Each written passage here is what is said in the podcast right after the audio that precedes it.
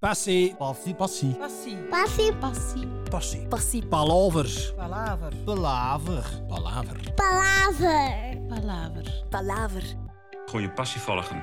Passie. Palaver. Passie, palaver. Passie. Palaver. Passie. Palaver. Passie. Palaver.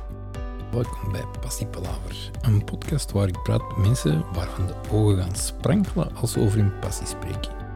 Geniet van de aflevering en misschien ontdek jij zo je passie. Dag Manu. Goedemorgen. Goedemorgen. Eh, we zitten hier in een heel leuk eh, decor. Eh, decor van de buurtpolitie. Ehm, hier doe je de... Ik heb het opgeschreven. Allee, ik heb het zelfs opgezocht. Ik kan het ook zeggen, hè. dat mag ook. ik ben producer hier. Ah, oké. Ja, ja. Ik ben, En- Dat houdt in. Als producer zijn eigenlijk... ehm, ik beschouw dat een beetje als de manager van het, het kleine bedrijf dat deze productie is. En dus eh, de buurtpolitie is een product van Benny J. Belgium. Ehm, dus dat is het grotere productiehuis en die hebben hun eigen CEO en CFO. En eigenlijk delegeren die iemand ehm, voor hun producties te maken. Dus dat is zo bij familie, dat is zo bij Masterchef, dat is zo bij tussen vier buren. En dat is ook zo bij de buurtpolitie. En eigenlijk hebben ze dus eh, tegen mij gezegd van voilà, hier is, eh, ja, om het te zeggen, hier is een pot met geld. Hè. Dat is Mhm. eh, hetgeen wat VTM heeft willen betalen voor de buurtpolitie, het vijftiende seizoen. Zorg dat het er staat. En ehm, ik, ik moet mij met het inhoudelijke niet zozeer bezighouden, daar hebben we een redactie voor. Ik moet mij met montage niet bezighouden, daar hebben we dan weer een andere ploeg voor. Maar ik hou mij bezig met het rijlen en zeilen opzet. Ik moet ervoor zorgen dat hier de juiste ploeg staat, dat die goed gebriefd zijn, dat die weten wat ze moeten doen, dat iedereen zich een beetje gedraagt. Ehm, en vooral dat iedereen ook eh, zich een beetje comfortabel en goed voelt. Hè, want we draaien ehm, best lang. We draaien 70 draaidagen aan één stuk. Eh, altijd van 8 uur s morgens tot 6, 7 uur s avonds. Dus dat zijn lange dagen voor iedereen. Ehm, en vooral, ik moet de ploeg zo een beetje bijeenhouden en gelukkig houden. En zien dat we kwaliteit en efficiëntie behalen. Dat is een beetje mijn takenpakket. Oké, eh, maar registreren doe je niet hier? Hier niet, hier niet. Eh, nee, hetgeen- het enige wat ik hier wel creatief doe, is ehm, een paar scenario's heb ik meegeschreven. Eh, wat ik wel fijn vond, want ik heb al veel geschreven voor theater. Ehm, en ook voor een musical, maar ik had nog nooit geschreven voor televisie, dus dat heb ik nu voor de eerste keer hier, hier kunnen doen, wat zeer interessant is. Helemaal anders dan voor theater schrijven ook. Ehm, maar regisseren, nee, omdat ik, ik, ja, ik regisseer zeer graag theater en musical, maar televisie, ja, dat is echt, dat is, dat is, ja, dat is helemaal anders om te regisseren. Hè. Dat, dat is, je bent niet alleen bezig met hoe moet een acteur spelen of hoe moet dat geïnterpreteerd worden, ehm, maar je bent ook heel veel bezig met het technische van, van televisie, hè. camerastandpunten en we noemen dat dan decoupages en, en ook al denk je in functie van montage, dus dat is echt een, een hele andere stijl. Ah, oké. Eh, ja, we gaan gewoon met het begin beginnen. De, jij zegt van 91. Ja. Eh, Sorry, voor mij is dat al jonger. Ja. Eh, ik ben van 81. Ehm, jij hebt de toneelacademie in Maastricht gedaan. Ik moet dat zwaar nuanceren. Ik, heb, ik, heb, ik ben daar geweest, ja. ik ben geweest op de toneelacademie Maastricht. Nee, ik heb daar een vooropleiding gedaan. Een vooropleiding voor regiedocent. En het was de intentie om van, vanuit die vooropleiding naar de opleiding zelf te gaan van regiedocenten. Dat is daar een part-time opleiding dat je kunt volgen. En ik was daar zeer erg in geïnteresseerd. Ehm, maar, en dat, dat klinkt dan altijd zo arrogant, maar, maar het was gewoon echt, echt toevallig kwam het zo uit dat op het moment dat ik dan eh, mijn tweede toelatingsproef kon doen om te starten aan de effectieve opleiding, had ik mijn eerste job in theater. Ehm, ja, en die opleiding die gaat op vrijdag en zaterdag. Ja, en vrijdag en zaterdag zijn nu net De de momenten ja. dat je moet spelen in het theater. Dus ik stond zo voor de keuze van, oké, ga ik- want dat was een, ehm, een uniek project. Dat was eigenlijk eigenlijk een beetje het begin van mijn, van mijn carrière. Eh, dat was Vergeet Me Niet, het theaterstuk dat ik met Carrie Ja. Goossens heb gespeeld en met Anneke de Winne. Ehm, en ik stond zo voor de keuze van, oké, ga ik nu mijn eerste job laten schieten voor een opleiding, of ga ik mijn opleiding doen in de hoop dat daar andere jobs uitkomen. En ik heb mijn buikgevoel toen gevolgd om gewoon te zeggen, nee, nee, ik, ga, ik ga voor de job, want dat was ehm, een zeer fijn theaterproject. En ja, gelukkig, want we hebben dat uiteindelijk vijf jaar kunnen spelen. Niet aan één stuk uiteraard, altijd in, in kleine, kleine eh etappetjes, zal ik maar zeggen. Ehm, maar ik, ja, ik ben wel zeer blij dat ik die keuze gemaakt heb. Ehm, dus ik heb nooit echt de opleiding volledig gevolgd in. Maastricht. Ja. Ja, en uw opleiding daarvoor was medical science. Ja, ja ik, heb een, eh, ik heb een doctoraat in de medische wetenschappen. Oké, nou houd in, want dat is, Eh, u ligt wel heel ver van theater. Ja, ik, ik ben eigenlijk ik ben kinesist van opleiding. Oké. En ik heb, dus ik heb mijn opleiding kinesiotherapie gedaan, vijf jaar. Eh, ik heb zelfs nog een postgraduaat aan gedaan voor manueel therapie, een, een zesde jaar, gecombineerd met werken weliswaar. Ehm ja, en dan, en dan kwam de kans op mijn pad om aan een doctoraat te beginnen. En dat, dat triggerde mij, want dat was een doctoraat. De, dat was eigenlijk een beetje een combinatie tussen theaterwetenschappen en medische wetenschappen. Er, er werd gevraagd om eh, performance van Jan Fabre, de veelbesprokene Jan Fabre, om deze performance te onderzoeken, hoe dat die bewogen. Of dat dat verschilt van hoe dat jij en ik zouden bewegen. Ja. Blijkt niet helemaal te zijn. Natuurlijk had Fabre eh, iets anders gewenst, eh, mocht hij hier luisteren. Excuseer Jan. Ehm, maar, eh, maar ik vond dat wel een interessant topic, omdat ik zoiets had van, goh, kijk, dat, dat, eigenlijk, er wordt in, in theater, we hebben een zeer subjectief vak, hè. Ehm, als één acteur op podium staat en er zit een zaal van, van 500 man, zullen er 500 verschillende interpretaties opduiken van wat dat die mens op podium aan het doen is. En dat is net het subjectief, maar dat is ook net het mooie aan ons vak, vind ik. Dat er geen ene wetenschap is. En eigenlijk vanuit Fabre werd een beetje de vraag gesteld van, kunnen we daar nu toch niet een wetenschap van maken? Kunnen we nu toch niet bepaalde parameters on- onderzoeken of ontdekken die maken, dat is nu een goede performer en dat is een zwakke performer? Kunnen we dat toch niet objectiveren op een of andere manier? En dat blijkt gelukkig niet te kunnen. Ik moet zeggen, dat was, ik, ja, het resultaat van mijn doctoraat was natuurlijk dat er weinig eh, resultaat is. Maar ik vond dat wel positief, omdat ik dat van ja, ik vind dat, net, dat vind ik net de sterkte van ons vak. Het is net geen wetenschap en dat maakt het net zo interessant. Ja, absoluut. Ja. Ja. En eh waarde jij ook al tijdens je eh, ja, opleiding voor kinesist ook al bezig met toneel? Of... Ja, eh, ja, in die zin, ik ben, ehm, en dat klinkt altijd zeer vreemd als ik dat zeg, maar ik ben op mijn 16 jaar begonnen. Ehm. Met regisseren en, en produceren. Hoe amateuristisch en klein dat dat toen Mhm. ook mogen geweest zijn. Ehm, maar het is wel van, dat is wel het fundament geweest voor hetgeen wat ik nu vandaag ben aan het doen.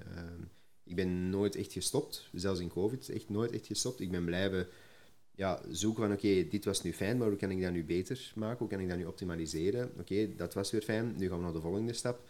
En zo eigenlijk met de jaren geprofessionaliseerd en met mijn kop tegen de muur af en toe gelopen. Mhm. Jammer genoeg hoort dat er ook een stukje bij. Ehm, maar even goed mij wel kunnen professionaliseren en, en mijn weg wel een beetje kunnen vinden. Dus, eh, dus ja, ik, ik, voordat ik aan mijn opleiding kine begon, was ik eigenlijk al, al toen geweest zijn? Eh, eh, ja, toch drie jaar al aan, aan het regisseren. Dus Ja. en ik ben dat gewoon blijven doen tijdens mijn opleiding kine. En eigenlijk tijdens mijn opleiding kine ook geprofessionaliseerd. Ehm, en voilà, dan, ik ben een paar jaar kinesist geweest. Ik heb dat een paar jaar graag gedaan. Ik heb dat een paar jaar minder graag gedaan. Ehm, en het is in de jaren dat ik het minder, minder graag deed. Ik voelde van, oké, ik kan hier een keuze moeten maken, want dit, dit gaat niet mijn job zijn waar ik mee in pensioen ga. Ehm, en er kwamen dan ook meer en meer professionele opdrachten vanuit theater en musicallandschap. Dus voilà, dan heb ik gewoon na een tijd de keuze gemaakt van om te zeggen, ik ga ja, mijn, mijn, mijn passie en mijn droom achterna. Ja. Ah, oké. Ehm, en u, u omschrijft u zelf op LinkedIn en eh, ik denk ook op uw Instagram eh, als eh, producer, dirigent, Ja, klopt, klopt. acteur Ja. en regisseur. Ja, ze hebben daar een mooi woordje voor. Ze noemen dat een creatieve generalist. Ja. Ja. Ehm, en ik denk dat, dat, dat is een, een, een, eh, ja, een naam of een titel dat ik uit een boek heb, creatieve generalist, maar dat is wel iets waar ik mij zeer hard mee identificeer. Een creatieve generalist zet zich een beetje apart van een expert. Een expert is iemand die zegt, dit is nu mijn vakgebied en ik ga mij hierin verdiepen en ik ga hier echt de referentie in worden of een van de referenties in worden. En de mensen die dat, dat zeer goed doen en graag doen, ik doe dat, ik doe dat niet graag. Ik ben iemand, ik, ik wil graag, ehm, ik, moet mezelf kunnen prikkelen. Ik denk dat dat een vorm van ADHD is, ergens diep van binnen, om te wisselen tussen verschillende vakgebieden. En ik wil heel graag, ehm, de ene dag wil ik heel graag regisseren, dan wil ik produceren, dan wil ik dirigeren, dan wil ik acteren. En dus dat zijn ook de dingen die dat ik eh, al heb gedaan. Ik ben nu vooral meer bezig met produceren en, en regisseren. Ehm, maar even hoe heb ik met heel veel liefde geacteerd en, en gedirigeerd, eh, nog, nog met heel veel meer liefde zelfs soms. Dus ehm, ja, ik, ik- ja, ik zeg het, ik- dat zijn zo verschillende vakgebieden die ik echt wel in mijn hart heb gesloten en waar ik heel graag mee aan de slag ga. Oké. Ehm, ja, ik stel voor dat we... Ik, ik ken u eigenlijk al van BSO-producties. Mhm, Eh, ik heb er een paar gezien. mhm. Ehm, ik denk vanaf Oliver, Ah, ja. Love Story, Ja. Ghost, dus de, de, last five years, Ja. Grease. Eh, die heb ik allemaal wel gezien. Ehm, ziet er, da- daar zie ik wel een evolutie van. Ik is eigenlijk begonnen met BSO-producties, denk ik. Dat was, een, wat, dat was op je 16 al? Of... Ja, dat was op mijn zes- Ja, dat heette toen nog niet zo, maar dat was wel... Ja, dat, dat was het, het amateurtheatergezelschap, musicalgezelschap, Mhm. dat ik toen gestart heb, ja. En van waar komt de naam eigenlijk? Want die ik eigenlijk... Eh, wel, wij, zijn toen in de tijd begonnen met jongeren uit het BSO, effectief. Dat was mijn, mijn eerste theaterproductie, was een... dan zat ik zelf dus nog hè, op de schoolbankje, 16 jaar, maar ik deed dat ook met andere mensen die ook op de schoolbankje zaten, van 17 en 18 jaar. En dat waren leerlingen uit de richting verzorging, ehm, uit beroep secundair onderwijs in Wilrijk. Ehm, en dat was toen, dat was via mijn moeder, die, die gaf daar les ook. Allee, ehm, ja, ja, die gaf daar les. En die moesten eigenlijk een project doen om geld in te zamelen voor verzorgingsmateriaal. En ja, dat was dan ja, organisch zo gegroeid dan, dat ze een theaterproductie gingen doen. En ik had toen al wel, ik had al theaterervaring, ik had zelf al gespeeld en, en allee, dus ik, ik wist al wel wat ik, wat ik kon doen met een productie. Ehm, en dan ben ik zo eigenlijk erin gerold om te beginnen regisseren. En vandaar is die naam gekomen, BSO-producties, omdat wij dus begonnen zijn met jongeren uit BSO. Ehm, en dat wij, ja, vandaaruit zijn we dan andere dingen, andere orde gaan opzoeken. We, ik denk dat we één of twee producties gedaan hebben met jongeren uit BSO. En dan zijn we eigenlijk gewoon een, een amateurgezelschap geworden, gelijk dat er vele zijn. Mhm. Ehm, en van daaruit dan de, de link naar het professioneel circuit gepakt. Eh, ja, die... hoe moet ik het zeggen? Die sprong leek mij ontzettend groot. Niet? Goh, Het, het, allee, ik, heb- ik, ik heb de, de, allee, de stijging wel zien gaan van, van, Mhm. van in de, bij de BSO-producties. En dan ja, was, was er corona. Ja. En dan was eigenlijk, denk ik, BSO-producties een beetje... dan hebben wij, ja, ik denk het laatste wat we gedaan hebben voor de corona was al een, een semi-professionele productie. Dat was eh, Bonnie en Clyde, hebben wij gedaan. Eh, met Charlotte Campion en Juan Gerlo en in het Zuiderpershuis. En ik moet zeggen, ik- ja, dat was, dat was een heel fijne productie. Ehm, mooi verhaal ook. Maar dat, en dat was, de, dat was niet de eerste semi-professionele productie, maar, maar ik denk dat daar wel een beetje zo de, de springplank was naar, om, alleen, naar de keuze om volledig professioneel te gaan werken. Maar het is wel zo dat, dat COVID heeft dat wel gecatalyseerd. Allee, daar, daar, dat is wel... Omdat alles stil lag, ehm, ja, zijn er bepaalde keuzes dan gemaakt om, om inderdaad niet meer met BSO-producties verder te gaan en met off-home-producties eh, op te starten. Ehm, en om volledig te professionaliseren. Ja, dat klopt. En, en kunnen die sprong iets verder uitleggen? Waarom die groot... Allee, voor, van op een afstand Hm? lijkt dat een hele grote sprong. Ja, Van mij, allee, we- ik, heb, ik zit zelf in een, in gewoon een theatergezelschap. Het zou voor ons een hele grote sprong zijn om gewoon te zeggen: oké, we gaan dan mee allemaal. Want Ja, volgens ja. mij zijn het allemaal professionelen in klopt. de stap Klopt. erboven. klopt. Eh, die sprong is toch immens? Ja, goh, ja. Maar ja, definieer je mensen. Ik denk dat je sowieso in je leven af en toe sprongen maakt. Mhm. De ene al wat meer berekent dan de andere, de ene al wat meer risico dan de andere. Soms draait dat goed uit, soms draait dat niet goed uit. Ik denk dat ik vooral in de COVID op het punt kwam dat ik dacht, oké, voor mij ging het ook over iets zeer praktisch, maar ook wel een artistieke keuze. Dat ik voelde, omdat ik zelf doorheen de jaren ook geprofessionaliseerd was. En ehm, ik zat op het moment dat we in COVID eh, waren, zat ik zelf, was ik, was ik eh, productiemanager voor een, een professioneel theatergezelschap in Antwerpen, Theatertainment, die nu eh, samen met uitgezonderd is en nu backstage geworden, maar ik was daar productiemanager. Dus ik zat ook, ik zat met mijn twee voeten in professioneel circuit al. Niet als regisseur, niet als zelfstandig producent, maar ik, ik, ja, mijn dagjob bestond eruit om professionele theaterproducties te maken. En dan had ik daarnaast mijn eigen gezelschap, waar dat we amateurproducties mee maakten. En ik voelde dat die combi te moeilijk werd voor mij. Dat, dat werd te moeilijk om, om overdag op een bepaalde manier te denken en te functioneren en te werken aan theater. En s'avonds op een helemaal andere manier te, te denken en te werken en te functioneren in theater. Omdat amateur en professioneel heeft natuurlijk, dat heeft, dat heeft ja, grote, grote verschillen in die zin. En dan bedoel ik zelfs niet artistiek, maar dan bedoel ik vooral in, in de manier waarop dat mensen daarin stappen. De vrijblijvendheid. De vrijblijvendheid en de manier ook dat mensen, dat je moet rekening houden met mensen die gewoon andere, andere dagjobs hebben. Dat je in een montage bijvoorbeeld, om, om een voorbeeld te noemen, niet kunt zeggen, jongens, eh, iedereen is er om 1 uur s middags en we werken door tot 11 uur s'avonds. Ja, nee, want de ene is, is bankier en de andere is verzekeringsmaatschappij-medewerker. Eh, het? nee, verzekeringsmakelaar, dat moet ik dus zeggen.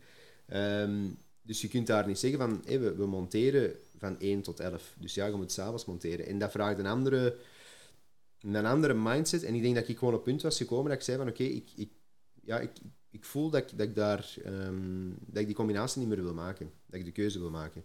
Het was eigenlijk, ehm, als ik het maar dan een beetje mag eh, vertalen, het was te leuk om overdag met professioneel te werken.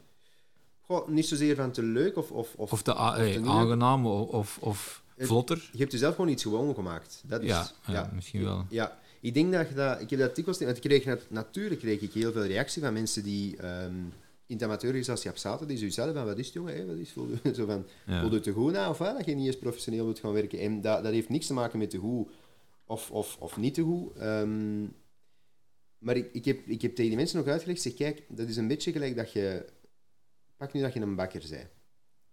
En je weet van, ik kan, als ik, als ik die ingrediënten heb en die een oven heb en ik heb, ik heb allee, die een tijd, kan ik echt een keigoed brood bakken. Maar je weet dat er ook een andere manier is om een brood te bakken dat daarop lijkt, maar ja, dan moet het met minder ingrediënten doen, of je moet het met een andere oven doen, of je moet het met minder tijd doen. Dan zijn er bakkers die zeggen, ja, maar ik vind dat fijn, want, want ik, ik, ik amuseer me wel met dat op een, op een rustieke manier te doen, of ik amuseer me wel op dat op een, ander, op een, op een ehm, ja, minder doorgedreven manier te doen. Maar ik ben, ik ben dan een type bakker dat zegt, ja, nee, als ik weet dat ik het op die manier kan doen, en ik voel me daar beter bij, dan wil ik het op die manier doen. Dus wat dat klinkt nu alsof dat daar een waardeoordeel aan vasthangt, en dat is het uiteraard niet, want ik heb met heel veel liefde en plezier die amateurproducties gemaakt. En, en allee, ik moet ook zeggen, we hebben daar heel mooi resultaat mee gehad, omdat er ook mensen in stonden met heel veel talent. En mensen met heel veel passie. En, en, dus ik was daar best eigenlijk altijd heel tevreden van. Ehm, maar ja, op een gegeven moment ik zeg het, werd, de, werd de combinatie gewoon te veel. En had ik zoiets van, ik wil, ja, ik wil kiezen voor... ehm, ik wil kiezen voor, voor een manier van werken waar ik, mij, waar ik mij echt in kan smijten en in goed kan voelen. En dat ik achteraf ook kan zeggen, ik heb nu echt alles eruit kunnen halen wat dat erin zat. En pas op, hè, want nogmaals, ik wil dat echt zwaar onderstrepen. Dat heeft niks te maken met, met een kwaliteitsverschil. Je gaat mij nooit horen zeggen dat een amateurproductie minder sterk is dan een professionele productie. Want Mm, ik denk dat amateur of professioneel zegt voor mij vooral iets over de manier waarop dat mensen daar instappen. Uiteraard verwacht je bij een professionele productie, omdat die prijzen ook hoger liggen en omdat die productiewaarde algemeen ook wat hoger ligt, verwacht je daar als publiek meer van. Dat is gewoon zo en dat moet er ook zijn. Maar los daarvan denk ik dat je binnen de context best kunt zeggen dat wij in Vlaanderen heel fier kunnen zijn op de amateurgezelschappen die wij hebben staan eh, en, en dat daar heel veel kwaliteit wordt ingebracht. Maar ja, het is, het is, ik zeg, het is een, een andere manier van werken, een andere manier van, een andere insteek eigenlijk van je job te doen. En ik, had, eh, ik voelde heel hard in de COVID van, voor mij is nu, nu belangrijk dat ik die switch maak naar het professioneel circuit. Ja, ja ik, ik, snap, allee, ik snap absoluut wat je bedoelt. Ehm, ik, ik denk dat dat viel dat ook samen met eh, de Vergeet Me Niet. Klopt, ja. Vergeet me niet, was, eh, wij zijn beginnen spelen in 2017. Dat was de eerste keer dat wij eh, in première zijn gegaan. En dat is dus die theaterproductie waar we een paar jaar mee hebben kunnen spelen met Carrie en met, met Anne. Ehm, en dat was, ja, dat was mijn eerste professioneel... ja, mijn eerste professionele stap. Ondertussen was ik, was ik nog wel amateurproducties aan het maken. Hè. Ja, ja, ja. Maar dat was ook uw eerste zelfges... eh, uw eerste... Allee, je zult nog wel een stuk hebben geschreven, Ja. maar dat was uw eerste stuk ook dat je had geschreven waar we hier gespeeld Ja. door professioneel. Ja, klopt, klopt, klopt. En was dat ook een, op, was dat een openbaar... Allee, moet ik het omschrijven? Was dat een openbaring van... Ja, ik heb, dit, ik heb ook al stukjes geschreven, maar die zijn gespeeld door... eh, niet door echt mensen waar je van zegt, hier is een tekst. eh, Ja, ja, dat was een stuk een openbaring in de zin... ehm ja, Carrie Goossens, dat, wij, wij, wij hebben samengewerkt in 2013. En dan speelde ik echt een, een kleine... Een kleine ja, Sunshine Boys. de Sunshine Boys inderdaad. En dan speelde ik een kleine... Ja, een gastrol. Ja, de neef. maar- nee, ik speelde Eh. zelfs niet... Nee, want de neef is een vrij grote rol. Nee, ik speelde echt zo de, de toneelmeester of zoiets. Ehm, dat was echt een klein rolletje, maar dat was wel een heel tof rolletje. En ik had, ik had twee mini-scènetjes of zoiets, maar ik kon daar wel best veel, veel mee doen. En vooral, ik had tijd om backstage veel te helpen. En ja, dat is een beetje ook de aard van beestje. Ik, als, je, als ik dan werk zie, dan wil ik dat ook doen. Dus ik, mijn, mijn rol van toneelmeester evolueerde een beetje naar onstage en offstage toneelmeester. toneelmeester. Ja, ja. Ehm, maar dat was dus, ik, Carrie Woosten speelde daar de hoofdrol in, of een van de twee hoofdrollen. Ehm, en dat klikte immens goed. Maar ik heb voor Carrie altijd enorm veel respect gehad voor ja, de, de acteur dat hem is. En bij Lilia Marleen enzovoort en FC de kampioenen, maar ook andere rollen die hem gespeeld heeft.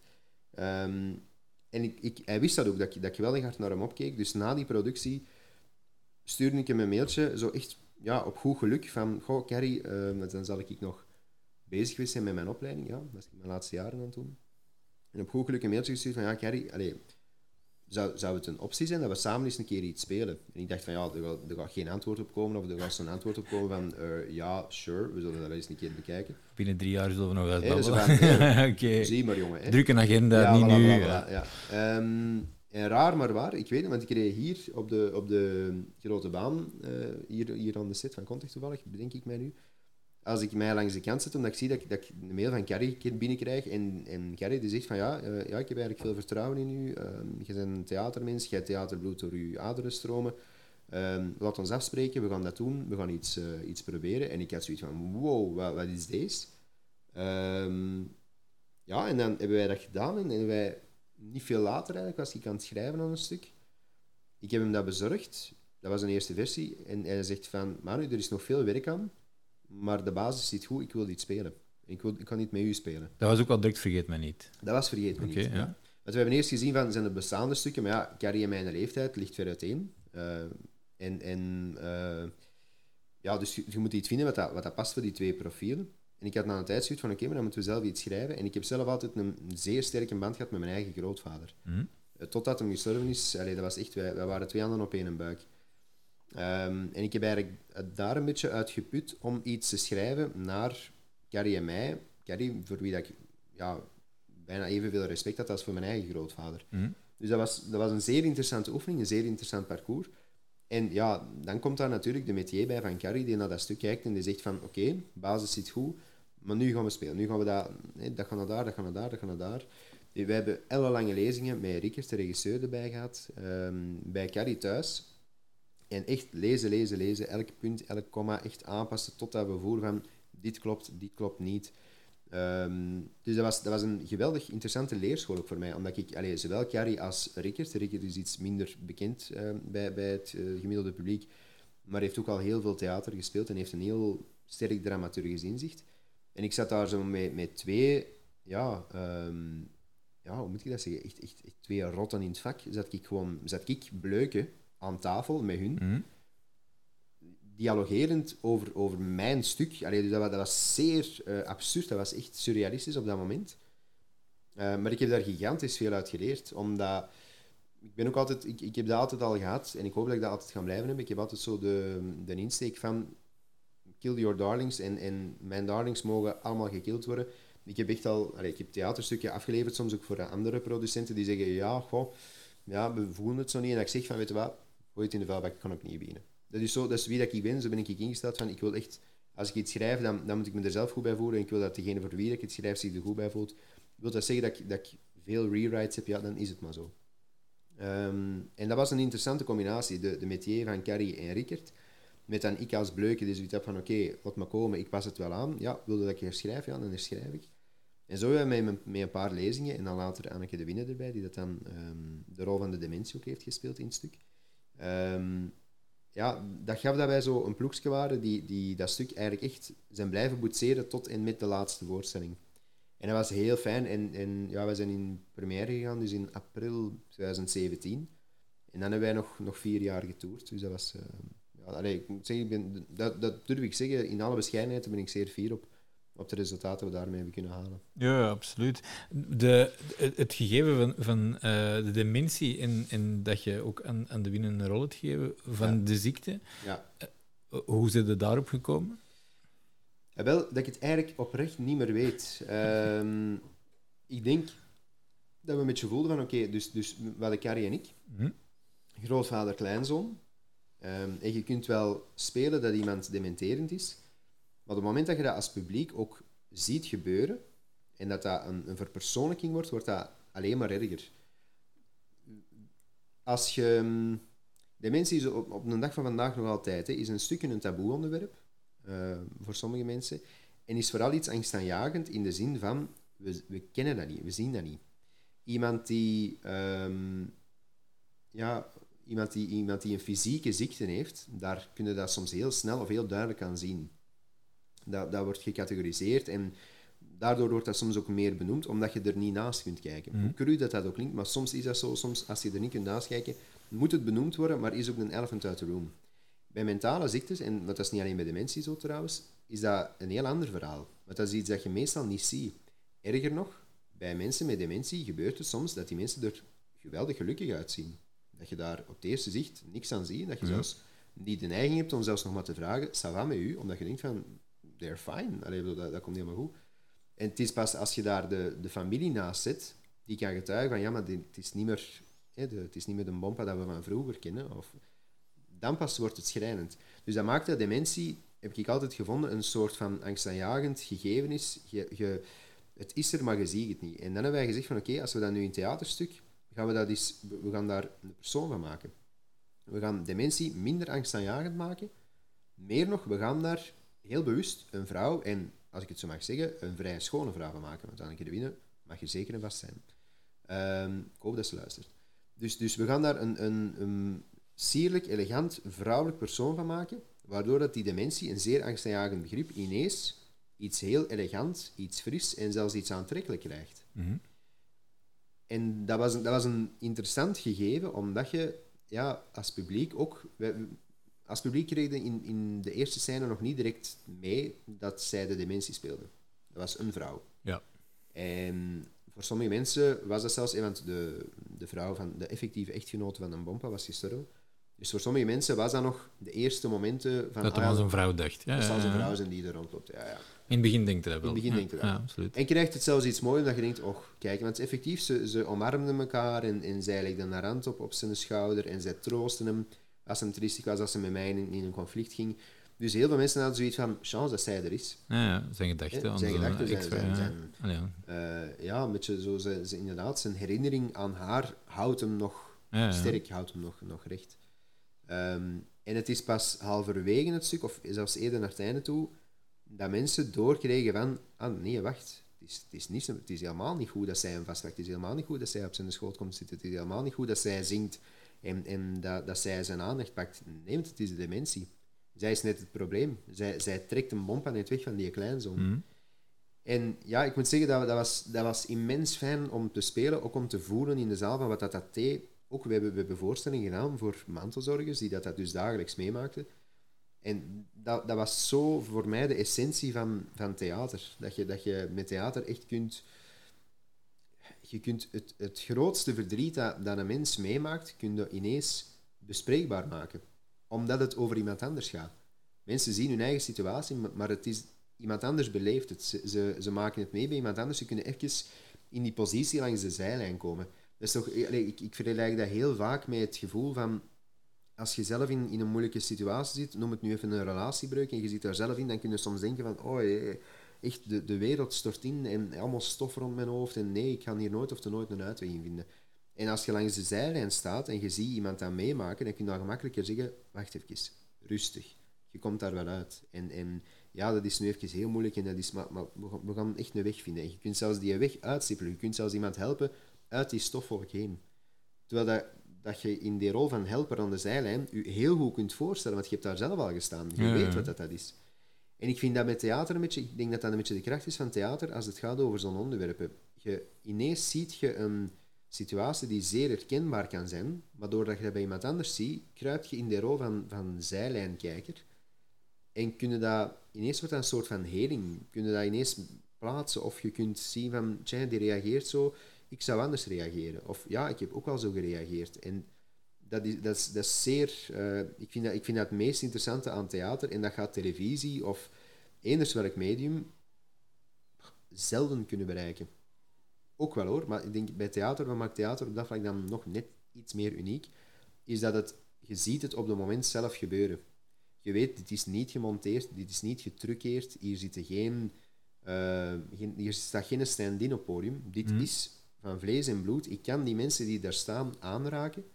Ik kan, als ik nu echt mijn stoute schoenen aantrek, kan ik op het podium kruipen en ik kan tussen die mensen gaan staan. En ik ben deel van de situatie, maar ik kies ervoor om te kijken langs de zijlijn.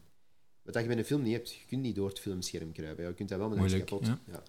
Dus, dus dat, dat maakt voor mij theater net zo uniek, dat je weet van alles wat hier gebeurt, is op dit moment authentiek. Het, het, het moment dat we nu zien gebeuren, is binnen twee seconden geschiedenis. Maar nu kunnen we er nog iets aan doen. En ik denk dat dat, net, dat, dat is net de kracht. En als het dan gaat over stukken als Vergeet Me Niet, helpt dat alleen maar de, de beleving van het publiek. En is dat die dementie, is dat iets dat, dat ook dicht bij u zat? Of is dat, is dat eigenlijk zelfs nog niet in uw, in uw Goh. kring? Nee, ik, ik, heb het, ik heb het bij mijn eigen grootvader. eh, hij is er gelukkig nooit eh, slachtoffer van geweest van dementie. Het was wel altijd mijn grootste schrik, omdat we zo goed overeenkwamen. Was mijn, mijn grootste angst dat mijn grootvader ooit eh, dementie zou krijgen, waardoor dat we zouden vervreemden van Ja, elkaar. niet herkennen. Wie Ja. ben jij? Voilà. Maar dat is het, het, het harde aan eh, iemand die, die zwaar dementerend is. Dat is dat je eigenlijk moet afscheid nemen van iemand die er fysiek nog is. Ja, ja. En dat is, dat is, ja, daar zijn wij als mensen niet op ingesteld. Ik denk dat wij ondertussen wel tools hebben gekregen en, en dat er voldoende handvaten zijn om afscheid te nemen van een persoon. Maar afscheid nemen van een persoon die dat er nog is, weten dat je nog, ehm, die persoon nog kunt bezoeken, maar dat je eigenlijk die persoon zelf niet meer bezoekt. Je kunt uw bompa nog wel bezoeken, maar dat, dat is uw bompa niet meer. Daar zijn wij als mens, daar, hebben wij nog niet voldoende handvaten voor om daarmee om te gaan. Vind ik persoonlijk, hè? of ik zou het anders zeggen, ik heb daar nog niet de handvaten om mee om te gaan. Dus dat was altijd een grote angst van mij, van wat als zij ooit dementerend zou worden. Gelukkig is dat nooit, eh, nooit het geval geweest. Maar het heeft mij wel geïnspireerd om dat stuk te schrijven. Dat wel. Eh, omdat je gewoon voelt van, oké, dat, dat doet heel veel met mij. En ik had dan ja, de- de- het geluk, om het tussen dikke witte aanhalingstekens te zeggen, dat ik natuurlijk met mijn opleiding wist ik veel over, wist ik voldoende, ik zal het zo zeggen, over dementie. En dan had ik ook mensen gezien ehm, die dementerend waren. Hm? Dus daar, daar, vanuit mijn opleiding had ik wel die, die basiskennis meegekregen. Dus ik wist wel hoe dat ik het op een realistische manier kon portretteren in een, in een theaterstuk. Ehm, maar in de persoonlijke omgeving heb ik het nooit meegemaakt. Eh, zitten er nog zo eh, van die vrij zware ideeën voor stukken in uw hoofd? Of, eh, Ja, zeer graag. Ehm, ik, ik, ja, ik ben op dat vlak... ehm, als, ik, als ik theater schrijf, echt, echt, echt puur theater, zal ik altijd zo'n thema's aanraken. Ik ben... een- een- pas op, ja, eigenlijk ben ik aan het liegen, want ik, ik schrijf ook zeer graag en ik best ook veel comedy en ik schrijf sketchjes en ik schrijf ehm, soms ook heel luchtige zaken. Maar ik, ja, ik ben iemand van extreme, denk ik, gewoon op dat vlak. Als ik, dan, als ik dan zeg van nu ga ik een serieus thema aankaarten, dan ga ik ook voor een zeer serieus thema. Ik heb ook al een stuk gemaakt dat ehm, subtiel weliswaar, maar ook over, over zelfmoord Mhm. eh, heeft gesproken. Ik heb nu, heb ik zelf niet geschreven, maar Broken Circle Breakdown geregisseerd, wat dat ook gaat over zelfmoord en een overgang van leven naar dood en hoe dat religie daartussen zit. Ehm, ik, ik vind dat wel interessant om, om, om zo'n zaken aan te halen. Zaken die dat je niet standaard op café bespreekt, zal ik maar zeggen. ja, en bijvoorbeeld, om, maar dan, om het over Broken Circle Breakdown te hebben. ehm, ik, ben, ik, ik ben puur een amateur. Zijn dat zware repetities? Ja, ja, ja, ja absoluut. Broken Allee, Circle je Breakdown, snapt ja. over wat ik het heb, dan... Ja, ja dat, zijn, dat, dat waren zeer zware repetities. Ehm, wij, hebben, wij hebben gekozen... Allee, de Broken Circle Breakdown was dat je altijd een speciaal plaatsje in mijn hart hebben, want wij hebben daar een zeer speciaal parcours in gelopen. Wij, wij hebben die eerste week hebben wij gewoon aan, aan mijn keukentafel gerepeteerd. Met een hond onder de voeten, echt gewoon gelezen, gelezen, gelezen, gelezen, gelezen. En, en echt over elke zin gedebatteerd. Ehm, ik had natuurlijk, en dat moet ik er altijd bij vertellen, het gigantische, immense geluk dat ik met twee topacteurs kon werken gewoon. Roel van der Stuk en Elise Verheyen zijn top in hun vak, weten wat dat ze doen. Ehm, dus wij konden ook wij konden zeer goed op een, op een gelijke hoogte met elkaar eh, in discussie gaan, of discussie is al een groot woord, in gesprek gaan over wat staat er hier? Wat zijn we aan het spelen? Van waar komt dat? Hoe interpreteerde jij dat? Wat, doet dat met u? Wat doet dat met mij? En wij hebben zo eigenlijk heel dat stuk een week lang ja, aan de keukentafel geanalyseerd en daarin gedoken en eigenlijk daar gewoon met een beetje de keuzes gemaakt van welke bochtjes pakken we hier als personage. Want de Broken Circle Breakdown zijn heel lange stukken tekst. Dus je moet als acteur echt goed weten van dit is nu dit is de, de bocht die ik in mijn hoofd maak om hier toe te komen. En ik ga het nu daarover hebben. Waarom? Omdat ik het eigenlijk daarover wil hebben. En die, ja, die cascade eigenlijk als acteur goed volgen van ik ben hier begonnen en ik eindig daar en dat zit er allemaal tussen, was gigantisch belangrijk. Maar dat was, zo zijn we daaraan begonnen, met, met die cascade eigenlijk bloot te leggen en te zeggen van oké, dit zijn we aan het spelen.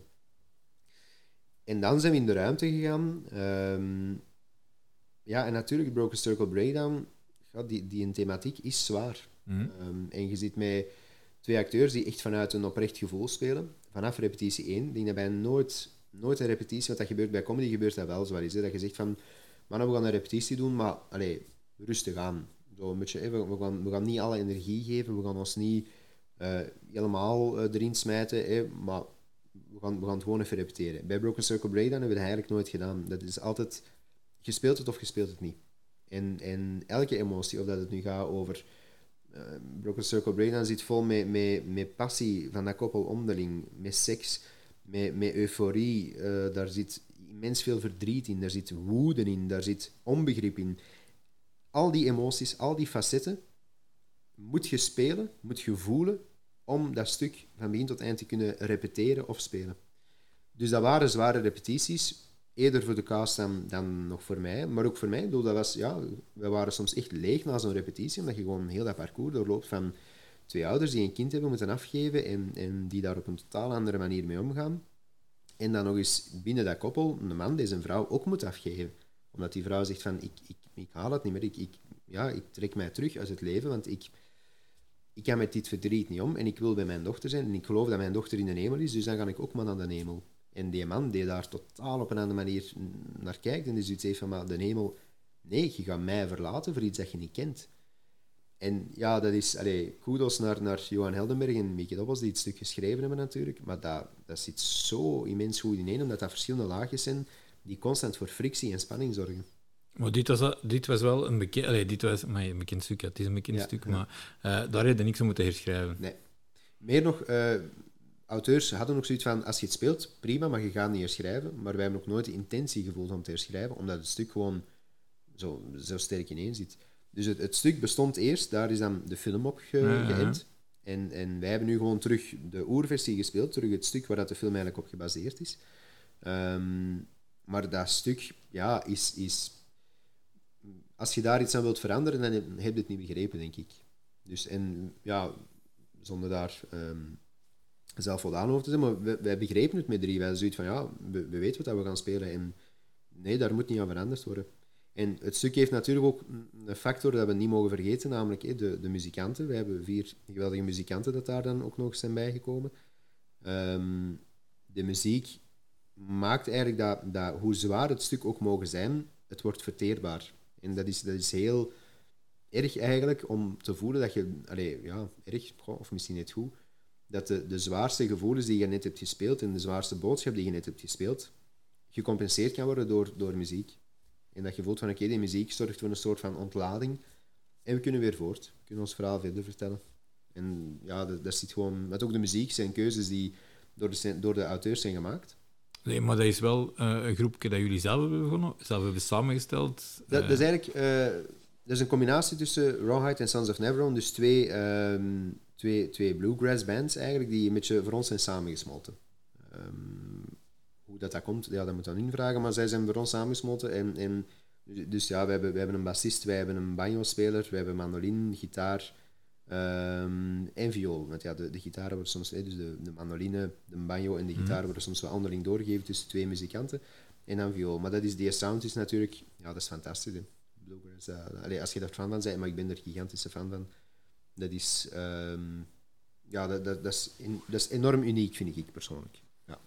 Ehm, ik, de lijst van, die, eh, van ehm, regisseur is eigenlijk immens groot.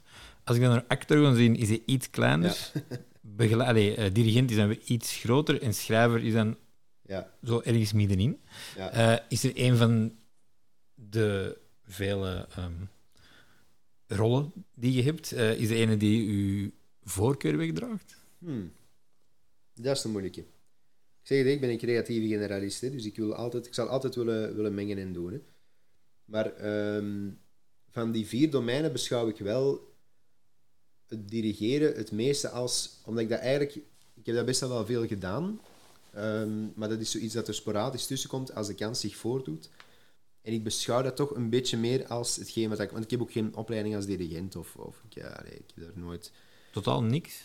Nee, totaal niks. Nee, dat is echt eh, puur, eh, pure empirie, noemen we dat dan. Ehm, ik, ik durf van mezelf zeggen dat ik, dat ik een, een vrij goede dirigent ben. Allee, dat, dat in alle bescheidenheid durf ik dat zeggen. Ik ken, ik ook mijn zwakke punten als dirigent en ook als, als, zeker als arrangeur enzovoort. Dus dat is, dat zo'n domein waarin ik denk van, daar heb ik nog vele stappen te zetten. Dus ik beschouw het dirigent zijn het meeste als, ja, hobby is, is al een groot woord, maar wel het meest vrijblijvende.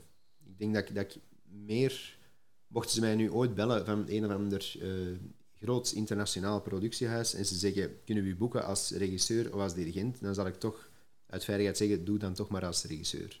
En, en dirigent is als je echt niemand vindt. En dan kom ik daar, want ik doe het heel graag, dat, dat is gewoon zo, ik dirigeer super graag. Maar ja, als regisseur heb ik gewoon meer ervaring, dat zit meer in mijn bloed dan, ehm dan dirigent zijn. Ja. Oké. Ehm, die productiemanager en copywriter, ik zie zelfs, dat, dat ik zelfs nog niet gelezen, is dat je de Jan van Dijk, eh, de show van mijn leven, De- in de- dat daar was ik- meegewerkt. Ja, dat was ik eh, productiemanager, was ik daar. Dus eh, eigenlijk productieleider. Dus eh, dat wil zeggen, ja, eh, een beetje uitvoerend producent. In, in opdracht van eh, de zaakvoerders was ik daar leider van de productie. Ehm, inderdaad, Jan van Dijksen, de, de show van zijn leven voor zijn 70 jaar. Allee, met COVID is het, eh, is het zijn 72 jaar geworden. maar, ehm, maar ja, dat was een show. Dat was eigenlijk de laatste show dat ik als productiemanager gedaan heb eh, voor Theatertainment, voordat ik dan ja, weer andere oren ging opzetten. Ah, ja. ja. voordat zij ook backstage werden inderdaad en voordat ik ehm, meer mee of voor mijn, mijn weg ging zoeken. Ja. En ehm, nu zit je bij Offan. ehm, waar, waar ligt de toekomst van Offan? Of is de toekomst van Offan... Dat is een zeer moeilijke vraag. Oké. Dat is een zeer moeilijke vraag. In de zin van, allee, ik bedoel, mensen die met een naam intikken zullen het ongetwijfeld wel vinden. Wij hebben ook een. een allee, was, was, was een vernootschap in een VZ2. En de VZ2 heeft jammer genoeg een faillissement achter de rug na, na Legally Blonde. Wat dat, Legally Blonde was een, een. Ik vond dat artistiek een zeer sterke productie nog altijd. En dat was ook een mening dat we heel veel terughoorden. Dus ik durfde erop te vertrouwen. Ehm, maar zakelijk gezien ja, was dat de, de koude douche en de reality check dat Vlaanderen niet altijd ehm, de beste, eh, ja, hoe moet ik het zeggen, de, beste markt is voor zo'n internationale musicalproducties. Ehm met dus een, een faillissement voor DVZ2 als gevolg, wat dat natuurlijk zeer pijnlijk is. Ik moet dat zeggen, dat is. Ik heb daar eh, nog altijd, zie je daar toch een beetje van af. Ehm, ik heb dan mijn vernootschap nog. Dat is eigenlijk mijn, echt mijn, mijn persoonlijk bedrijf. Dat heet ook Ofon Producties. Eh, ja, ik zal maar zeggen, jammer genoeg, want dat is natuurlijk een beetje... In die situatie was dat een beetje een... een tang op een varken, om het zo te zeggen. Maar goed, ja, het is wat het is. Eh, dus dat is mijn vernootschap, waar ik onder andere Broken Circle en nu Zo Mooi Zo Blond mee, mee produceer, en tot altijd. Ehm, wat daar de toekomst van is, dat weet ik niet. Dat, dat weet ik oprecht niet, omdat ik ehm, altijd kijk jaar per jaar van wat komt er op mijn pad en wat ga ik doen en, en vooral wat ga ik niet doen.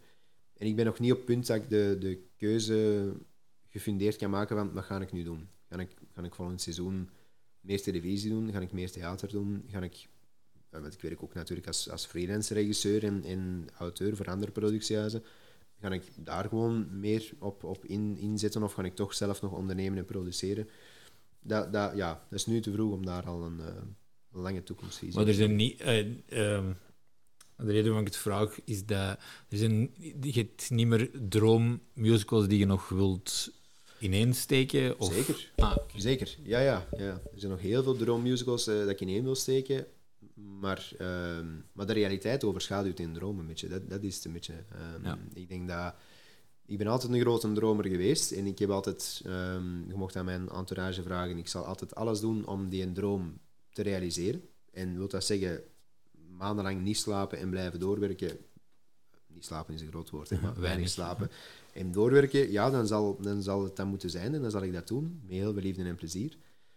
Maar ja, op dat vlak was Legally Blonde natuurlijk wel een beetje de, de reality check van nu mogen we nog zo hard werken en, en zo hard vechten voor je kind.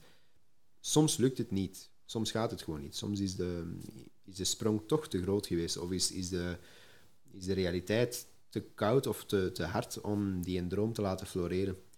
En dat is bij mij wel een beetje de, de reality check geweest. Dat ik denk van oké, ja, we moeten, we moeten wat om ons heen kijken. En in Vlaanderen hebben we niet geweldig veel voorbeelden van ehm, dat, dat dat type musicalproducties kan floreren. Ik denk dat Studio 100 daar het beste kindje van de klas is. En die, die hebben... eh, ik denk ook het best etende kindje van de klas. Ja. Aangezien dat ze toch altijd wel een beetje... Ja, Allee, dat is absoluut geen commentaar, maar Nee, nee, nee, dat nee, wel, nee, nee, nee, ze ja. zijn de grote brok. Ze zijn, ja, absoluut. Ze pakken de markt in. Ja, Maar, maar met recht en reden pakken ze de markt in. Ik denk dat zij... Ze hebben natuurlijk met die spektakelmusicals hebben zij een nieuw segment aangeboord, ehm, waar dat Vlaanderen niet ongevoelig aan is. Maar ja, je moet het ze nageven, ze hebben dat goed ingeschat. ja absoluut. Want ja. ik denk dat heel veel mensen op voorhand dachten van oei, oei, oei, oei spektakelmusicals en rijdende tribunes. Allee, de, de musicalkenners dachten dan waarschijnlijk ook al aan Soldaat van Oranje Ja, in Nederland. absoluut, van ja. ja, hé, zal, dat, hé. zal dat wel marcheren, gelijk dat dat in Nederland marcheert. Maar ja, het marcheert zelfs nog beter dan dat in Nederland marcheert, want ze zitten ondertussen aan, aan wat is het, een derde, vierde productie. Het ding is wel, vanaf dat ze in puur zaten. 14, Ja. 18 was nog de... Ik denk dat 14 18 een beetje op, op, op dat vlak technisch gezien een oefening was. Ja, Eh, want die productie zelf was heel sterk natuurlijk, maar ik denk dat dat technisch wel een oefening was van oké, hoe wat kunnen we hier nu doen? Ehm, maar ja, goed, dat is, allee, Studio 100 is op dat vlak is gewoon een sterke speler. En, en ja, dat pakt de markt een stuk in, dat is een feit. Maar als je ziet aan hoeveel mensen dat zij werk geven, denk ik, ja, hoe beter zo dan, denk ja ik, absoluut. dan, ja. ja, dan, dan commerciële producenten die, die ja, de, de eindjes moeilijk aan elkaar geknoopt krijgen en, en waar dat dan ook freelancers de dupe van zijn. Allee, dus dat, ja. ik denk op dat vlak, ja, heb ik wel veel respect voor wat dat ze doen bij Studio 100. Ja, maar absoluut. Ja. Maar ja, ze zijn ook... Allee, hoe lang doen Verhulst, Bourlon, doen ze het al? Ze weten hoe dat ze de markt... Allee, niet- Absoluut. niet alleen zij, maar... Nee, maar ze, ze kennen hun publiek. En ik denk dat dat net hun grootste, grootste troef is. Ehm, als je nu ook weer ziet, de, de drie biggetjes komt er binnenkort aan. Ja, dat is een bom, hè. Allee, ik bedoel, Ah ja, Vlaanderen werk, pikt ja, daarop in. En ik moet eerlijk zeggen, als ik dan zo de, de visuals zie en ik zie de, de acteurs die erin staan, maar ja, dat ik totaal niks met de drie biggetjes heb. Ik heb ook geen kinderen, dus het is ook niet dat ik, dat ik van daaruit zoiets kan hebben van, hé, hey, we staan naar de drie biggetjes.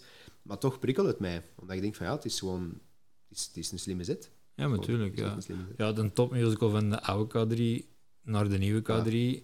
Alle acteurs... Ja, Ja, je hebt Peter Thijssen, dat vroeger een wolf was, dan nu Absoluut. de vader. Allee, absoluut. het is gewoon slim. Allee, het is slim Ja, maar op dat vlak, ik zeg het, ze kennen hun, ze kennen hun publiek heel goed. En, en ja, en ik, ik zeg het, ze zijn het beste, beste kindje van de klas gewoon, maar ze, ze zijn op dit moment denk ik ook, en nu wil ik niemand voor de borst stoten, maar een van de, van de weinigen die het ook echt op een, op een, ehm, op een stabiele manier kunnen blijven, blijven volhouden. Er zijn er nog een paar, hè. Bedoel, Ja, maar, ik wil maar zeggen, in dat segment musical, goh, ja, ze, ze maken het waar. Dat is gewoon. Ja, absoluut. absoluut. Ehm, ik, ik, ik heb gewoon nog zo'n paar, allee, eh, wel veel losse vragen, maar ik zal er maar een paar van maken.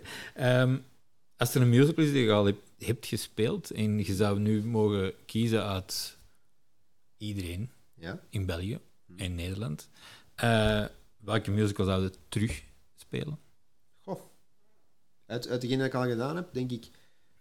Ik, ik zal altijd een grote eh, voorliefde hebben voor Beauty and the Beast. Dat, dat is een van de eerste musicals dat wij deden. Eh, dat was volledig amateur toen. Ehm, maar dat zal altijd... Ja, dat, dat, dat blijft mijn favoriet door de combinatie van een sterk verhaal, vind ik nog altijd. Dat, is gewoon, Mm. dat verhaal zit echt goed, goed ineen. Gewoon, allee, er zit zo'n Stockholm-syndroom onder, maar op een kindvriendelijke manier wordt dat verteld eigenlijk, wat dat Stockholm-syndroom is. Ehm, met ook al die kleurrijke figuren die dat, dat verhaal alleen maar meer aanspijzen. En, en, en die muziek, ja. Alan Menken, ja, ik ben gigantische fan van, van wat dat hem schrijft. En ehm, ja, ik, ik vind Beauty and the Beast is een van de, van de sterkste producties wereldwijd die dat er ehm, al gemaakt zijn, denk ik toch. Die zouden dan willen terugspelen met... Ja, alles erop en eraan. Ja, met, met 50 rookmachines en, en gigantische decors en, en, ehm, en, en, en, ja, en gewoon goede cast. Maar dat is, dat is ook leuk. En in Vlaanderen hebben wij ook gewoon... Ze zijn niet altijd bekend, maar we hebben wel echt gewoon goede acteurs om dat te spelen. Ja, absoluut. Ja. Ik, ik kan wel even mijn persoonlijke favoriet ertussen steken.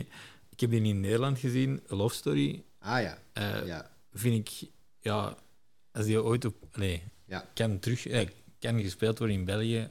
ja. Ik, eh, ik heb vroeger overwogen om er een, een productiehuis voor op te richten. maar, ja, ja, eh, Ja, Love Story, die heb ik met heel veel liefde ook gemaakt. Ehm, dat, dat was, ja... Ik denk dat Love Story heeft niet geweldig veel publiek hier in Vlaanderen. Jammer genoeg. Want dat is eigenlijk, dat zit voor mij een beetje tussen, tussen theater en musical in. Ehm, en, en er komt nog een vleugje kleinkunst ook zowat bij, bij kijken, eigenlijk, bij hoe dat die muziek is opgevat. Ehm, ja, en dat verhaal is natuurlijk... Dat is een beetje wat we nu met Tot Altijd ook gaan doen. Hè. Je, je kent je eindbestemming al. Bij Tot Altijd ook, we gaan, Tot Altijd is het verhaal van de eerste euthanasiepatiënt in België. Dus iedereen die plaatsneemt in de zaal, weet, ja, het gaat, het gaat over iemand die euthanasie pleegt. Ja, dus ja, waarschijnlijk zal hem op het einde een euthanasie plegen. Ja. Dat, dat weten we. Bij Love Story is dat net hetzelfde. Ja, dat vind ik niet. Als je het Goh. niet kent, je gaat in de Als je, zaal nee, dat zitten is waar. Als, je het niet kent, en niet. je komt op die Ja. ene scène aan, denkt je, Ja, ze gaat, je denkt alles Ja. wat ze gaat zeggen, maar je denkt niet, dat Nee. gaat ze zeggen. klopt. Maar het is wel zo dat, laat ons zeggen, in één, vanaf een derde in het stuk Ja, krijgt ze de diagnose. En, en weet je van, ja, waarschijnlijk gaan we, gaan we waarschijnlijk gaan ze sterven. ja, ja. ja, ja, ja. Dus eigenlijk, dat, bij Love Story weet je van, ja... Maar het is de weg daar naartoe, bij Love Story ook, die, die zoveel zijwegen nog pakt en bochten neemt. En, en mensen die... Allee, in theater kun je een, een, een... Niet alleen bij theater, ook gewoon, gewoon algemeen bij fictie, kun je een goede scène samenvatten in intenties en obstakels. Een personage heeft een intentie en er is een obstakel dat hem dat verhindert. En daardoor wordt een situatie interessant. En dat is bij Love Story ook. Er is een intentie van iemand die eigenlijk zegt van oké, ik wil niet, ik wil het niet veel hebben over de dood en ik wil eigenlijk gewoon leven, leven, leven, leven. Maar het obstakel is dat ze weet dat ze ziek is en aftakelt. Ja. Ehm, en dat is hetgeen wat we bij tot, tot altijd ook iemand eigenlijk hebben, maar dan andersom.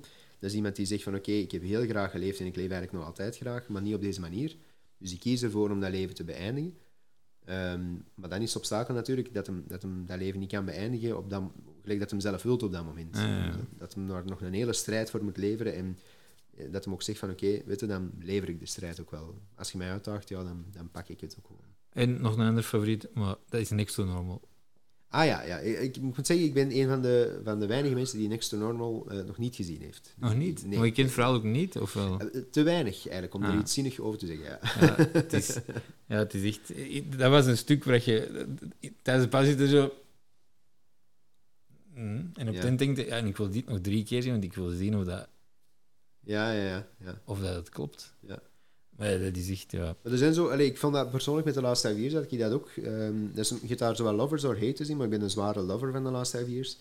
Dus daar is het ook, eigenlijk, kende, je kent het verhaal. Ehm, het is een koppel dat uit elkaar is gegaan. Zo simpel is het. Maar het interessante daar is de verhaalvertelling. Dus ehm, hij vertelt zijn verhaal van voor naar achter, maar zij vertelt haar verhaal van achter naar voor. En dus je hebt een scène van hem, een scène van haar, een scène van hem, een scène van haar. En eigenlijk je zie je zo die twee tijdslijnen elkaar ontmoeten in het midden. Letterlijk, bij een trouw ontmoeten ze de tijdslijnen waarin dat ze het verhaal vertellen aan elkaar. En dan gaan ze verder uiteen. Dus dan gaat hij naar het einde waar ze uit elkaar gaan en zij gaan naar het begin waar ze nog bijeen waren. En dat is... Ja, er zijn zo bepaalde musicals, en ik denk dat Next to Normal daar ook wat in past, die ehm, het klassieke theater of de klassieke manier van vertellen overhoop halen en die daar zo ja, een eigen twist aan geven en dan wordt het interessant. En muziek is daar natuurlijk een groot hulpmiddel in. Hè. Dat is- Ja, ja, absoluut. En als je nu moet kiezen tussen, want het laatste stuk dat je geschreven hebt is het Spook van de Pret. ja klopt. Eigenlijk een, ja. een Comedie. comedie. Klucht zelfs, ja. En, eh, maar er zit ook even goed... Allee, uw hoofdbrok is eigenlijk altijd musical geweest, als ik het goed mag eh, omschrijven. Eh, heeft dat een voorkeur, musical of puur theater? Goh, nee, nee. Want ik heb al... Nee, nee. Ik, ik, ik heb al theaterstukken geschreven waarbij dat ze zei, we zouden er geen musical van maken. En ik zeg, nee, nee, nee, nee. nee. Dit, dit moet theater zijn. Dit moet theater blijven. En even goed, bij musical denk ik, ja, ik wil hier meer muziek, want ik wil het verhaal op deze manier verteld krijgen. Er zit bij mij voorkeur in. Ik denk dat dat zeer hard afhangt van wat is een insteek. Ik denk ook altijd wel op dat vak een beetje mee na van voor welk doelpubliek wordt dit gemaakt. Eh, het Spook van de Operette bijvoorbeeld, ja, dat was de eerste productie van Backstage Producties die in Theater Elklik zou spelen. Ik weet, de, de, de meeste mensen die naar Theater Elklik gaan, of ik zal het anders zeggen, daar zit een grote fanbase aan comedy. Maar echt, echt klassieke Mhm. Ja, comedy. ja. En ja, dat was een kaas aan van voren. Natuurlijk een cadeau om te mogen schrijven voor zo'n een, ehm, ja, een, een duo, Duo. kaas aan van voren. Ja. Want ja, iedereen kent die een beetje, een beetje beschermd erfgoed bijna. Ehm, maar dan weet je van, oké, dan, dan moet ik geen musical schrijven. Ik moet geen musical schrijven voor Kazen van Voren, want de mensen die komen kijken naar Kazen van Voren willen comedy, willen misschien revue. Dus oké, er kan wel muziek in zitten, maar dan moet het zijn in het kader van de revue. En dat hebben we eigenlijk een beetje gedaan. Eh, dat eerste deel was echt opgevat als, als comedy, allee, of als theater, want uiteindelijk er zat nog niet geweldig veel humor ook niet in. Dat was eigenlijk echt gewoon het lanceren van een verhaal en er zat een soort van, van emotionele bodem ook wel in. En aan het tweede deel hebben we gezegd, oké, en nu gaan we opbouwen naar sketch. En vanuit die sketch gaan we eigenlijk naar een soort van mini-revuke. Ja, Uh, en dat was eigenlijk wel, allee, in alle bescheidenheid mag ik zeggen, van, dat heeft wel gemarcheerd. Want je voelde inderdaad het eerste deel dat mensen zoiets hadden van oké, veel informatie, wat moet ik hiermee? Maar ze waren wel mee met die personages. Best wel wat gelachje. Maar dan dat tweede deel voelde van oké, we pakken hier een, een, rotvaart en eigenlijk is dit een sketch en, en, Mm. je brengt mensen op hun kookpunt. En op het einde is het muziek en, en ja, vinden mensen dat ook leuk om mee te zingen en te klappen. En, dus Mm. dat was eigenlijk wel tof. En hoe moet ik dat trouwens bezien? Is dat dat ehm, backstage naar u komt en zegt: Dit zijn uw acteurs, we willen een stuk? Of is dat jij die zegt: Dit is een stuk met die Ehm, acteurs? Dat gaat altijd een beetje hand in hand. Ehm, we zijn nu voor een volgend stuk bezig bij, bij Backstage. Ehm, dat, dat zal altijd zo zijn dat, ik- dat ik... Meestal gebeurt het zo dat ik dus... Een, ik, ik maak een, een basisplot. Dat ik zeg van oké, het moet ongeveer hierover gaan. Tegen dat je begint te schrijven, valt die plot meestal wel terug wel uit elkaar. Omdat je zegt, ah nee, het is toch tof dat we het op die manier doen. Maar ik schrijf van in het begin een basisplot, een synopsis eigenlijk. Ik bepaal daaruit de, de personages en dan maak ik eigenlijk een longlist. Dus ik, ik, per personage geef ik gemiddeld vijf, zes namen. Hm? Die geef ik aan de productie door, dat ik zeg van kijk, ik zou met alle zes even goed kunnen werken. Dus het is nu aan jullie om te zien wie vinden wij het, het meest interessante, wie, vinden wij, wie hebben wij graag op ons podium staan, met wie werken we graag samen, wie is ook soms commercieel interessant, dat speelt ook Mhm. mee natuurlijk. Ehm, en zij geven dan eigenlijk prioriteit aan die, aan die longlist, aan die zes namen. En dan gaan ze daarmee aan de slag en dan hoor ik van het is een D geworden of het is een D geworden. En dan weet ik van oké, nu schrijf ik voor die of voor die of voor die. En daar past uw rol aan aan? Ja, altijd. Ja. Ik, ik schrijf zelden voordat ik weet wie dat gaat spelen. Omdat ik, het, is, het helpt u zo immens vooruit als je tijdens het schrijven een, je ogen kunt dicht doen en een acteur iets kunt zien spelen. Dan, dat geeft gewoon... Je, je kijkt een beetje als, als publiek. Hè. Ik heb... ehm, allee, als, ik, als, ik, als ik zo... Paar jaar geleden zat ik eens met, met Stanny Krits en al heel veel comedy geschreven eh, in, in de duifjes, zodat je Stanny en ook mij wel eens een keer kunt vinden af en toe. Ehm, en ik vroeg hem, ik zeg, ja, hoe doe jij dat eigenlijk? Want ik, ik zat zo wat te wringen met een stuk. En hij zegt, kijk, het is heel simpel. Ik doe mijn ogen toe en ik vraag me af, wat wil ik als publiek zien? En ik had zoiets van, ah, dat is eigenlijk inderdaad een beste tip. En, en ik pas dat regelmatig ook toe, voel ik van, van oké, stelt nu, hé, we hadden vorig jaar Kaas en Van Voren. Dus oké, je ziet Kaas en Van Voren op die scène staan. Wat wilde dat er gebeurt? En eerlijk, ja, dan komt op een gegeven moment komt uit op, op Lucas en in eh, een, een, ballettutu eh, tevoorschijn komt. En je denkt, wil ik dat nu als publiek echt zien? Ja, eigenlijk wil ik dat als publiek echt zien. En effectief, allee, ja, Ja. Luc zal het kunnen beamen. Dat was elke keer een open doek. Want Luc Kaas komt, net, net Luc Kaas komt in een ballettutu eh tevoorschijn op een repetitie. Dus dat, allee, dat zijn zo de, de... Dat is voor mij de motivatie om te zeggen, ik wil eerst weten, voor wie schrijf ik het? Want zet nu... Ik noem maar Hugo Segal, die ook in het spook van de operette zat. Zet hem in die ballettutu en dat zal ja, misschien net iets minder grappig zijn, omdat Hugo anders speelt, er anders uitziet, andere energie heeft, Ja, eh, dan dat een Lucas dat heeft. Dus je, je moet op voorhand, vind ik als auteur, allee, je moet dat niet, maar het helpt u om echt te weten van, nu schrijf ik het op deze lippen, op deze mimiek, op deze fysionomie, schrijf ik het. Oké. Eh, en zijn er acteurs, musical acteurs of gewoon acteurs, die, wat voor u nog altijd een droom is, waar je nog nooit mee samenwerkt? Of zijn er waar je van zegt, daar is, dat zou ik het summum vinden om daarmee samen te werken? Eh, ik heb, ik heb goh, het summum nee, want ik denk dat ik altijd ehm, met, met iedereen wil samenwerken. Maar ik denk wat, iemand voor, voor wie dat ik veel respect heb en met wie dat ik ook goed overeenkom, maar met wie dat ik eigenlijk nog nooit artistiek heb kunnen samenwerken, is Anne van den Broek. Ehm, ik heb voor Anne immens veel respect voor hetgeen wat zij Mhm. al, al gedaan heeft in haar carrière. Ik vind ze ook een, een ja, ik vind gewoon ook echt een sterke speler, ik moet dat zeggen gelijk dat is. Ehm, en we komen goed overeen, maar ja, we hebben nog nooit, artistiek nog nooit samengewerkt. Ik ben, ben wel al productieleider geweest in een productie waar dat aan zat, hè, de Winterrevue was dat dan. Ehm, maar ja, wij, wij, ja, ik zeg, dat is er nog niet van gekomen om, om creatief samen te werken als regisseur, actrice of, of in welke hoedanigheid dan ook. Ehm, maar ik zeg, dat is niet voor mij het summum, want, want Anne is, is een zeer fijne collega, maar zo zijn er nog heel vele. Ik, ik, ja, mijn, mijn... Uw droomcast bijvoorbeeld. Wie is uw droomcast? ja, het hangt een beetje af van, van welk stuk. Hè. Voor uw droomstuk? Voor, eh, mijn, eh, ja, voor Beauty and the Beast, maar ja, ja, voor Beauty and the Beast, god, dan moet ik al eens echt gaan kijken. Ehm, wie dat Belle zou kunnen spelen en wie dat Beest zou kunnen spelen. Maar ik denk, ik denk dat enige welke naam dat ik nu zou zeggen, ga, ga bij mensen weinig belletjes doen rinkelen. Zo. Omdat ik... Mijn droomcast, dat zijn mensen met wie dat ik één, graag werk, en twee, van wie dat ik weet van, die kunnen we echt op de top krijgen. Die, die kunnen echt... Allee, die- Mhm. Dat ze van, van zichzelf al goed zijn. En ze laten zich ook kneden om nog net zo die, die stap hoger te gaan.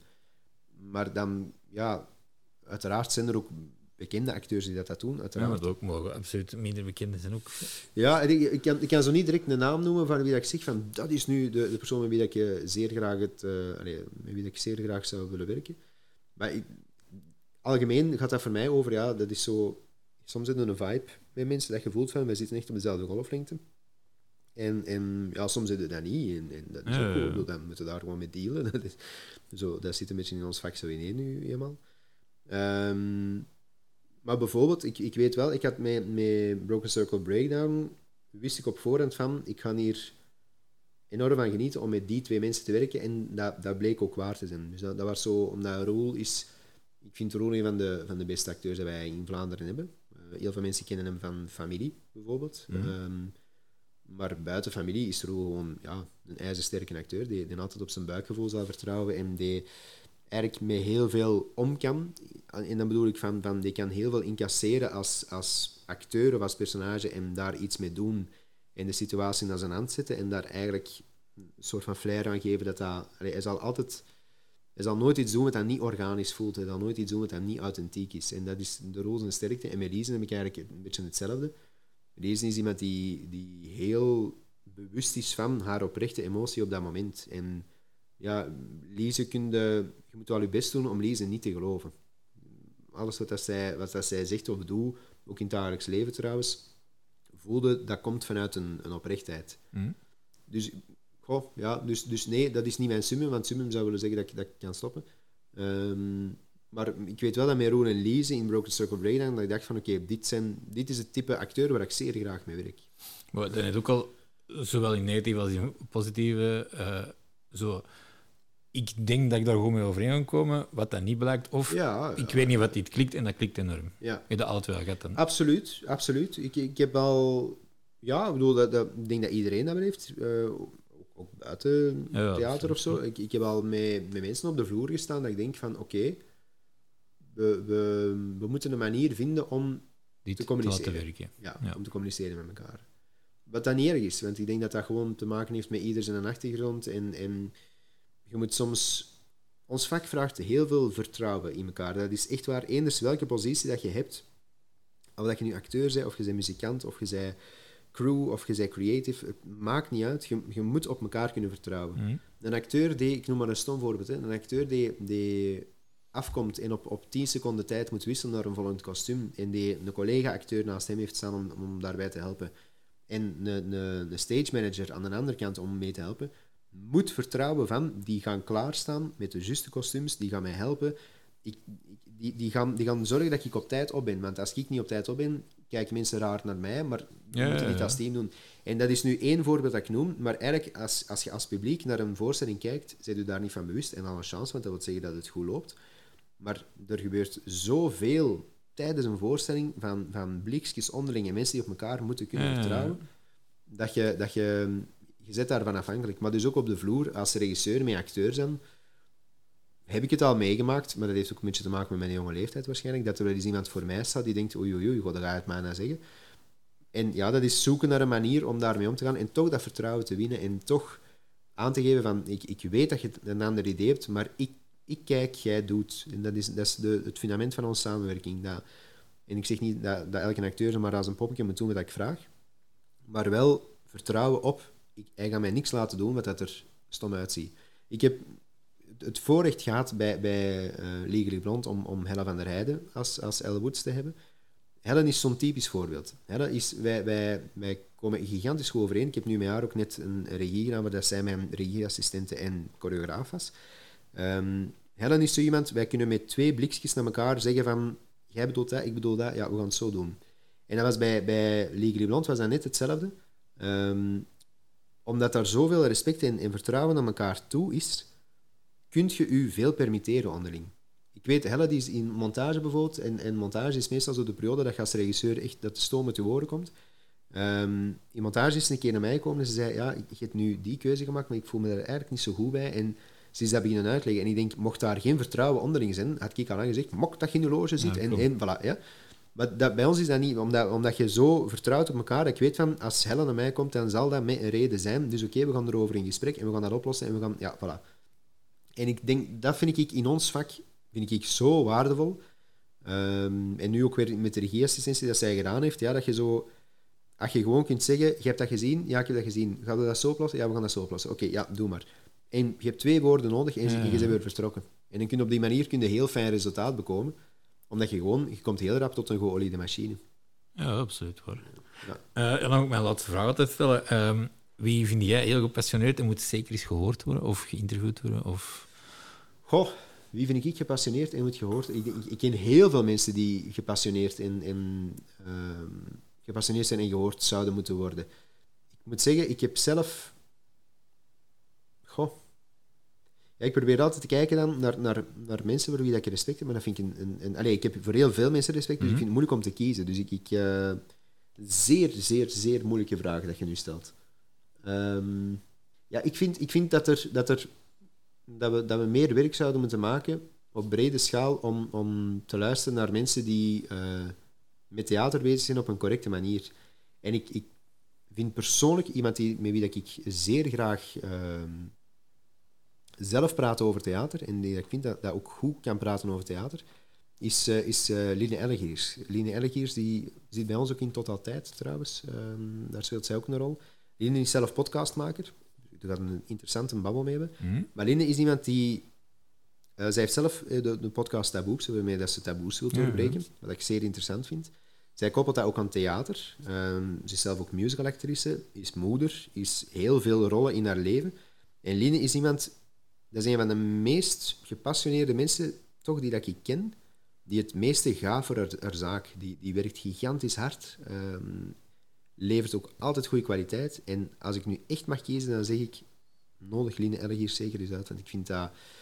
Zij kan op een heel interessante manier vertellen over en theater, het leven, over eh, ehm, hoe dat je als actrice kunt functioneren, hoe dat je als podcastmaker moet functioneren, hoe dat je als moeder ook een stuk moet functioneren. Ze is, ze is heel veel en ze doet dat allemaal op een zeer goede, respectvolle manier. Dus ik zou zeggen, gouden tip, Line Elgiers. Oké, kijk hoe. Eh, bedankt dat ik nog hier mocht komen. Eh, graag. bedankt voor je aanwezigheid. Ja, Ik hoop dat je het een beetje aangenaam vond. zeker, zeker, absoluut. Je bent nog altijd welkom. Kijk hoe. Merci. Joep. Bedankt voor het luisteren naar de podcast. Als je het leuk vond, volg ons op Instagram. At Podcast. En heb je suggesties? Mail deze dan naar passiepalaver.gmail.com. Tot de volgende.